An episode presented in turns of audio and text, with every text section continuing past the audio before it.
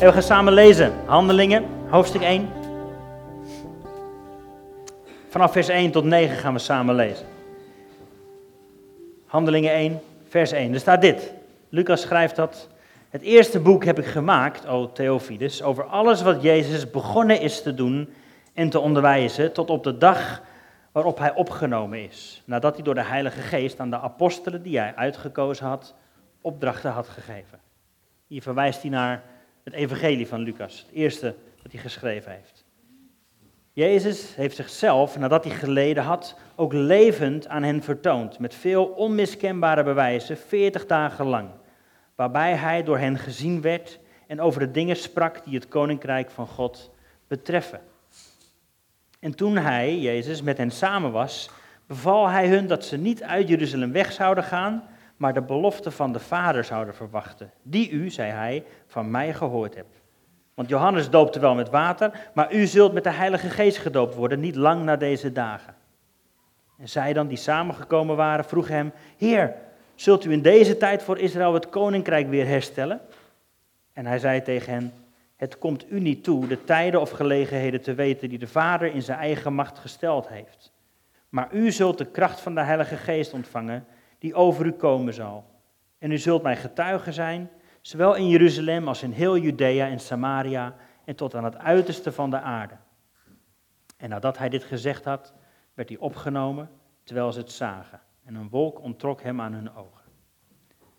Maar u zult de kracht van de Heilige Geest ontvangen, staat hier.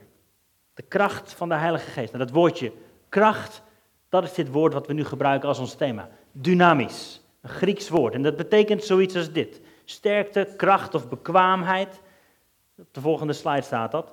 Het is een inherente macht. Een macht die in een persoon verblijft op grond van zijn aard. Dat is een diepe. Of die een persoon uitoefent en naar voren brengt. Het is ook soms vertaald als de kracht om wonderen te doen of een morele kracht en uitmuntendheid van ziel en wezen. Soms is het ook als de kracht en de invloed die samenhangt met bezit en rijkdom, of kracht en vermogen uit aantallen, of de kracht die bestaat of rust op legers, krachten en menigte. Dit woordje dynamisch komt 120 keer voor in het Nieuwe Testament. Ik ga ze niet allemaal voorlezen, maar wel een aantal, om die belangrijkheid daarvan te onderstrepen. Jezus bijvoorbeeld zegt dat in Matthäus 6, als hij ons leert bidden. Want van u is het koninkrijk en de kracht en de heerlijkheid. Dat is hetzelfde woord, dynamisch. En Jezus kwam in zijn vaderstad, Matthäus 13, en hij onderwees hen, zodat ze versteld stonden en ze zeiden, waar heeft deze de wijsheid en de kracht vandaan? Iets verderop staat, maar Jezus deed daar niet veel krachten vanwege hun ongeloof.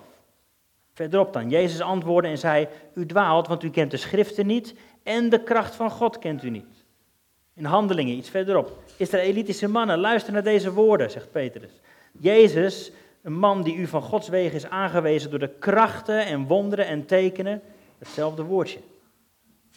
Verder dan, als ze iemand hebben genezen. Toen Petrus het zag, zei hij: Waarom verwondert u zich hierover? En waarom kijkt u ons zo indringend aan? alsof we door onze eigen kracht of godsvrucht iets hebben gedaan. Ze kozen Stefanus, weer verderop. Een man vol van geloof van de Heilige Geest, vol van kracht.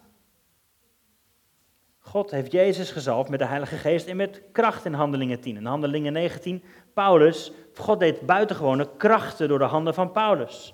Romeinen 1 dan. Ik schaam met evangelie niet, want het is de kracht van God.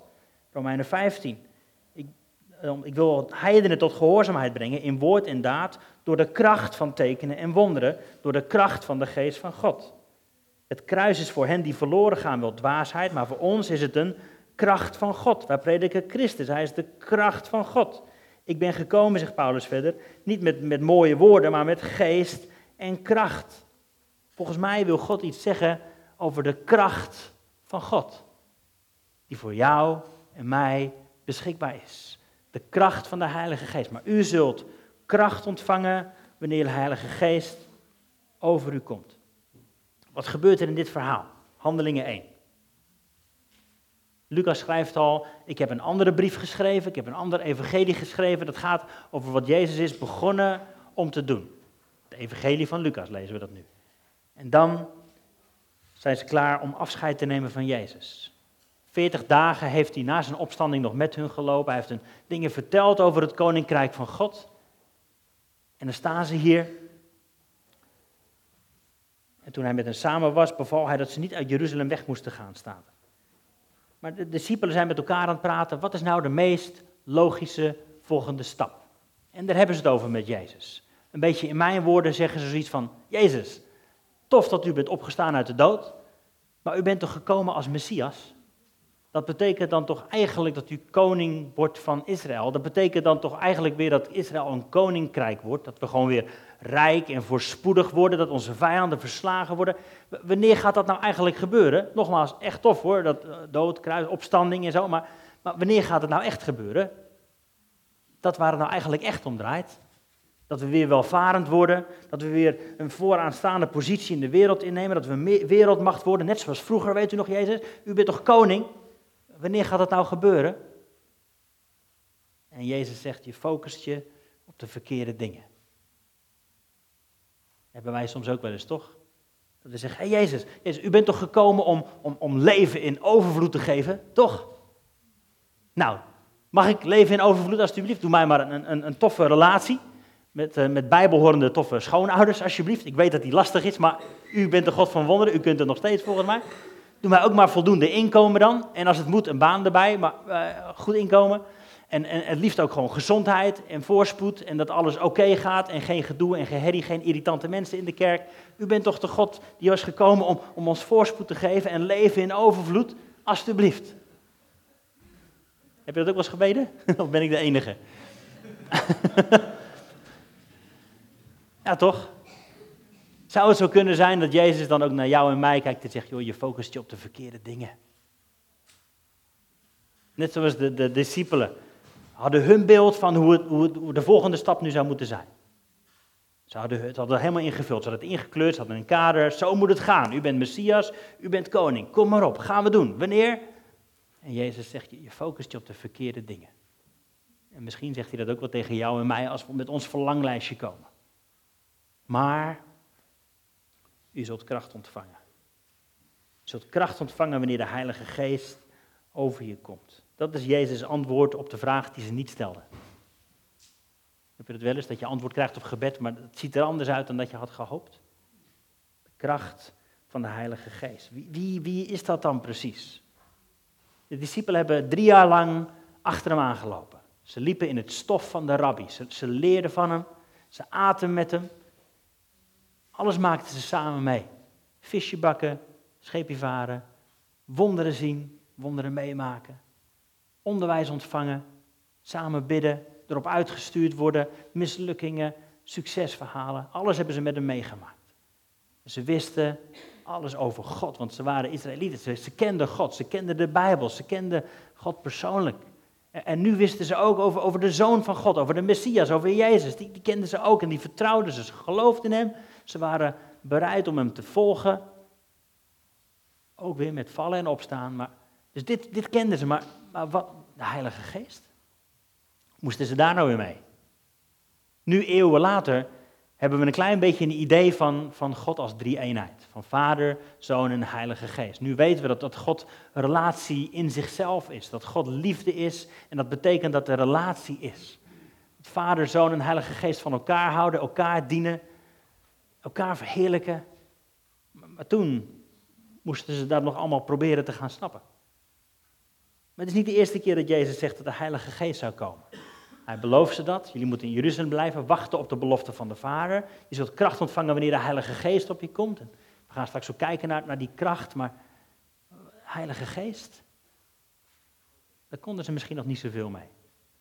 Hoe, hoe doen wij dat nu dan? Met de Heilige Geest. gaan lezen, Johannes 14, daar belooft Jezus het al. Hij zit samen met zijn discipelen aan tafel, het is de paasmaaltijd. Johannes 14, vers 15. Hij praat dan met zijn vrienden en hij, dit is zeg maar zijn laatste afscheidsspeech met hen. Als u mij lief hebt, zegt Jezus tegen zijn discipelen, neem dan mijn geboden in acht en ik zal de Vader bidden en hij zal u een andere trooster geven opdat Hij bij u blijft tot in eeuwigheid. Namelijk de geest van de waarheid, die de wereld niet kan ontvangen, want ze ziet hem niet en kent hem niet. Maar u kent hem, want hij blijft bij u en hij zal in u zijn. Hier wordt beloofd dat de discipelen de geest zullen ontvangen. Een andere trooster, de geest van de waarheid. En iets verderop in Johannes 16 heeft hij het er nog een keertje over, vanaf vers 7. Maar ik zeg u de waarheid, zegt Jezus. Het is nuttig voor u dat ik wegga. Want als ik niet wegga, zal de trooster niet naar u toe komen. Maar als ik heen ga, zal ik hem naar u toezenden. En als hij gekomen is, zal hij de wereld overtuigen van zonde, van gerechtigheid en van oordeel. Van zonde, omdat ze niet in mij geloven. Van gerechtigheid, omdat ik heen ga naar mijn vader en u niet meer zult zien. En van oordeel, omdat de vorst van deze wereld veroordeeld is. Nog veel heb ik tegen u te zeggen, maar u kunt het nu nog niet dragen. Maar wanneer die komt, de geest van de waarheid, zal hij u de weg wijzen in heel de waarheid.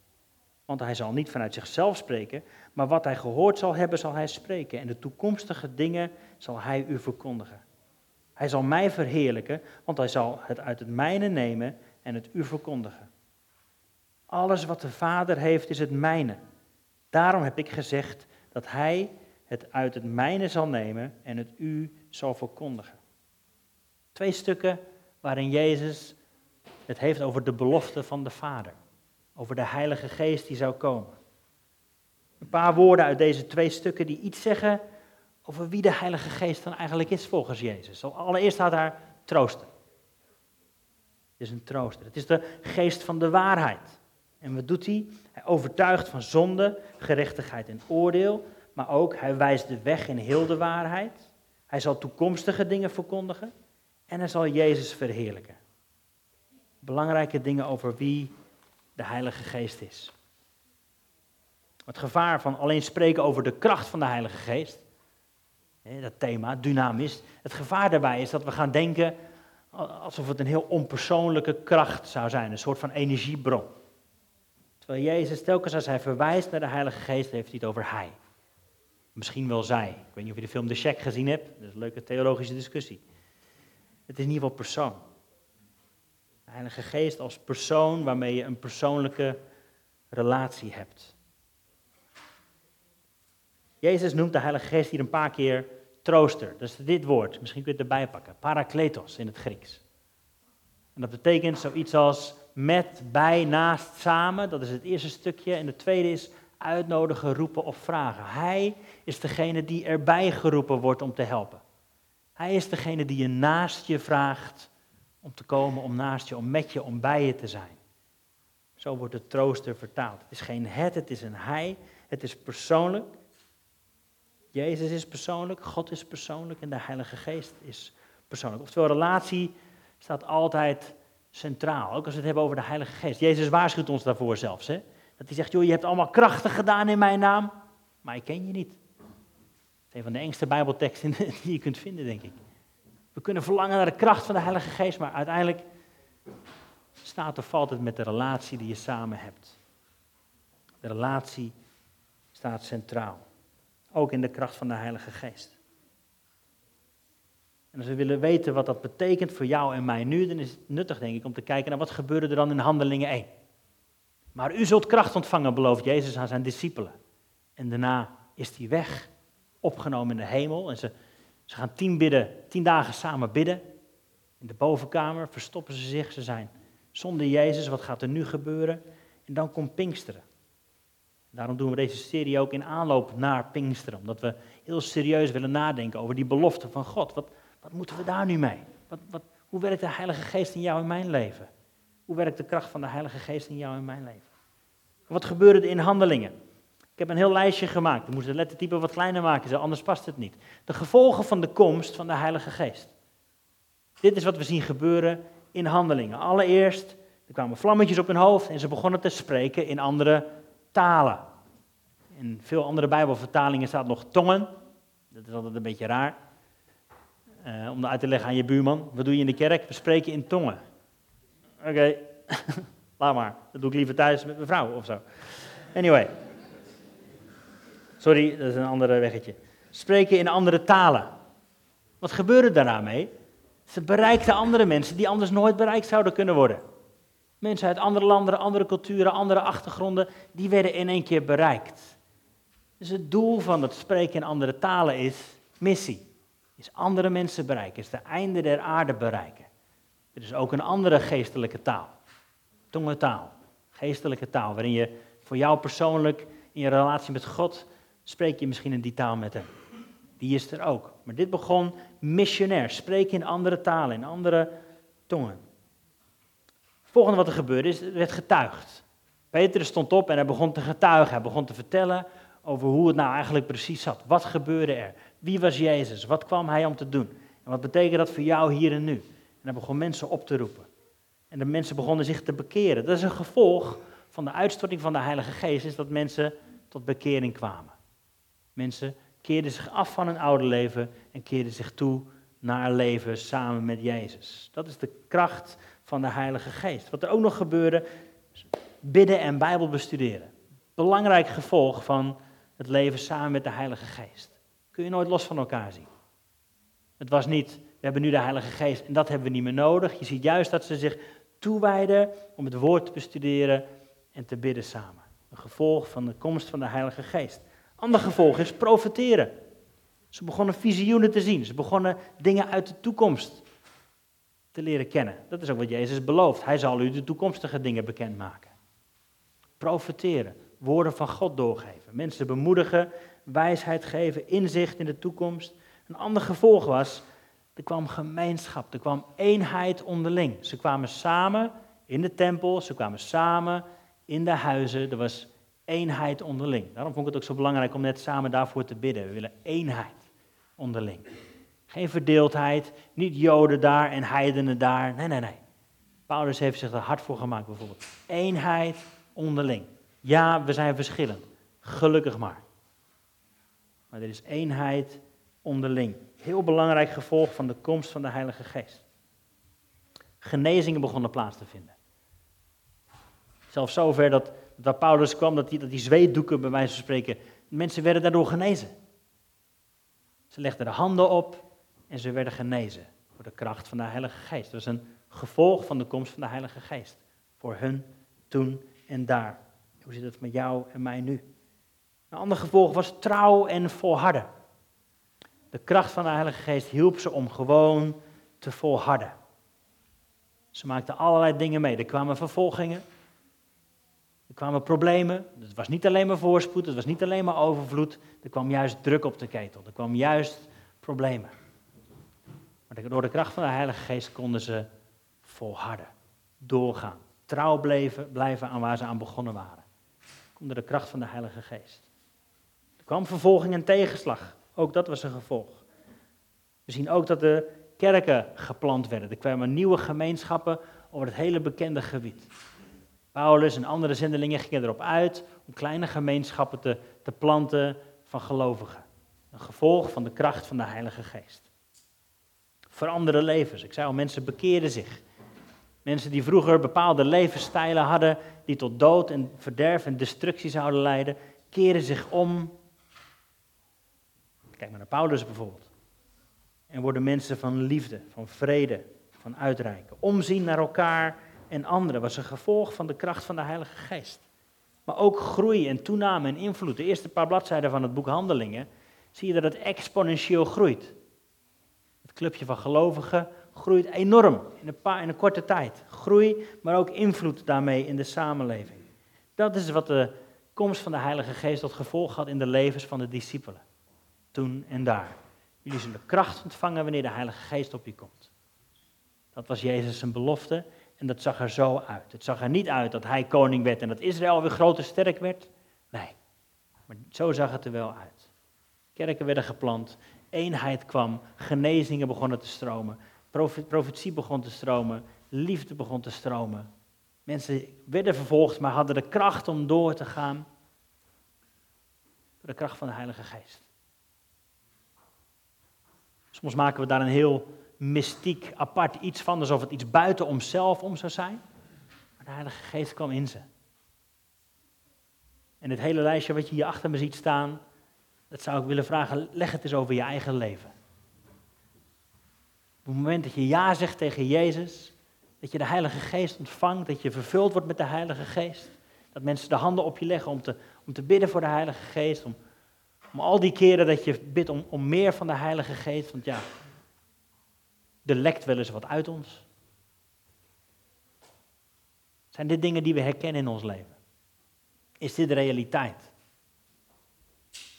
Zou ik nu met de woorden van Jezus willen zeggen, maar jij zult kracht ontvangen wanneer de Heilige Geest op je komt. Ook in 2019, zelfs in Ede. Jij zult kracht ontvangen wanneer de Heilige Geest op je komt.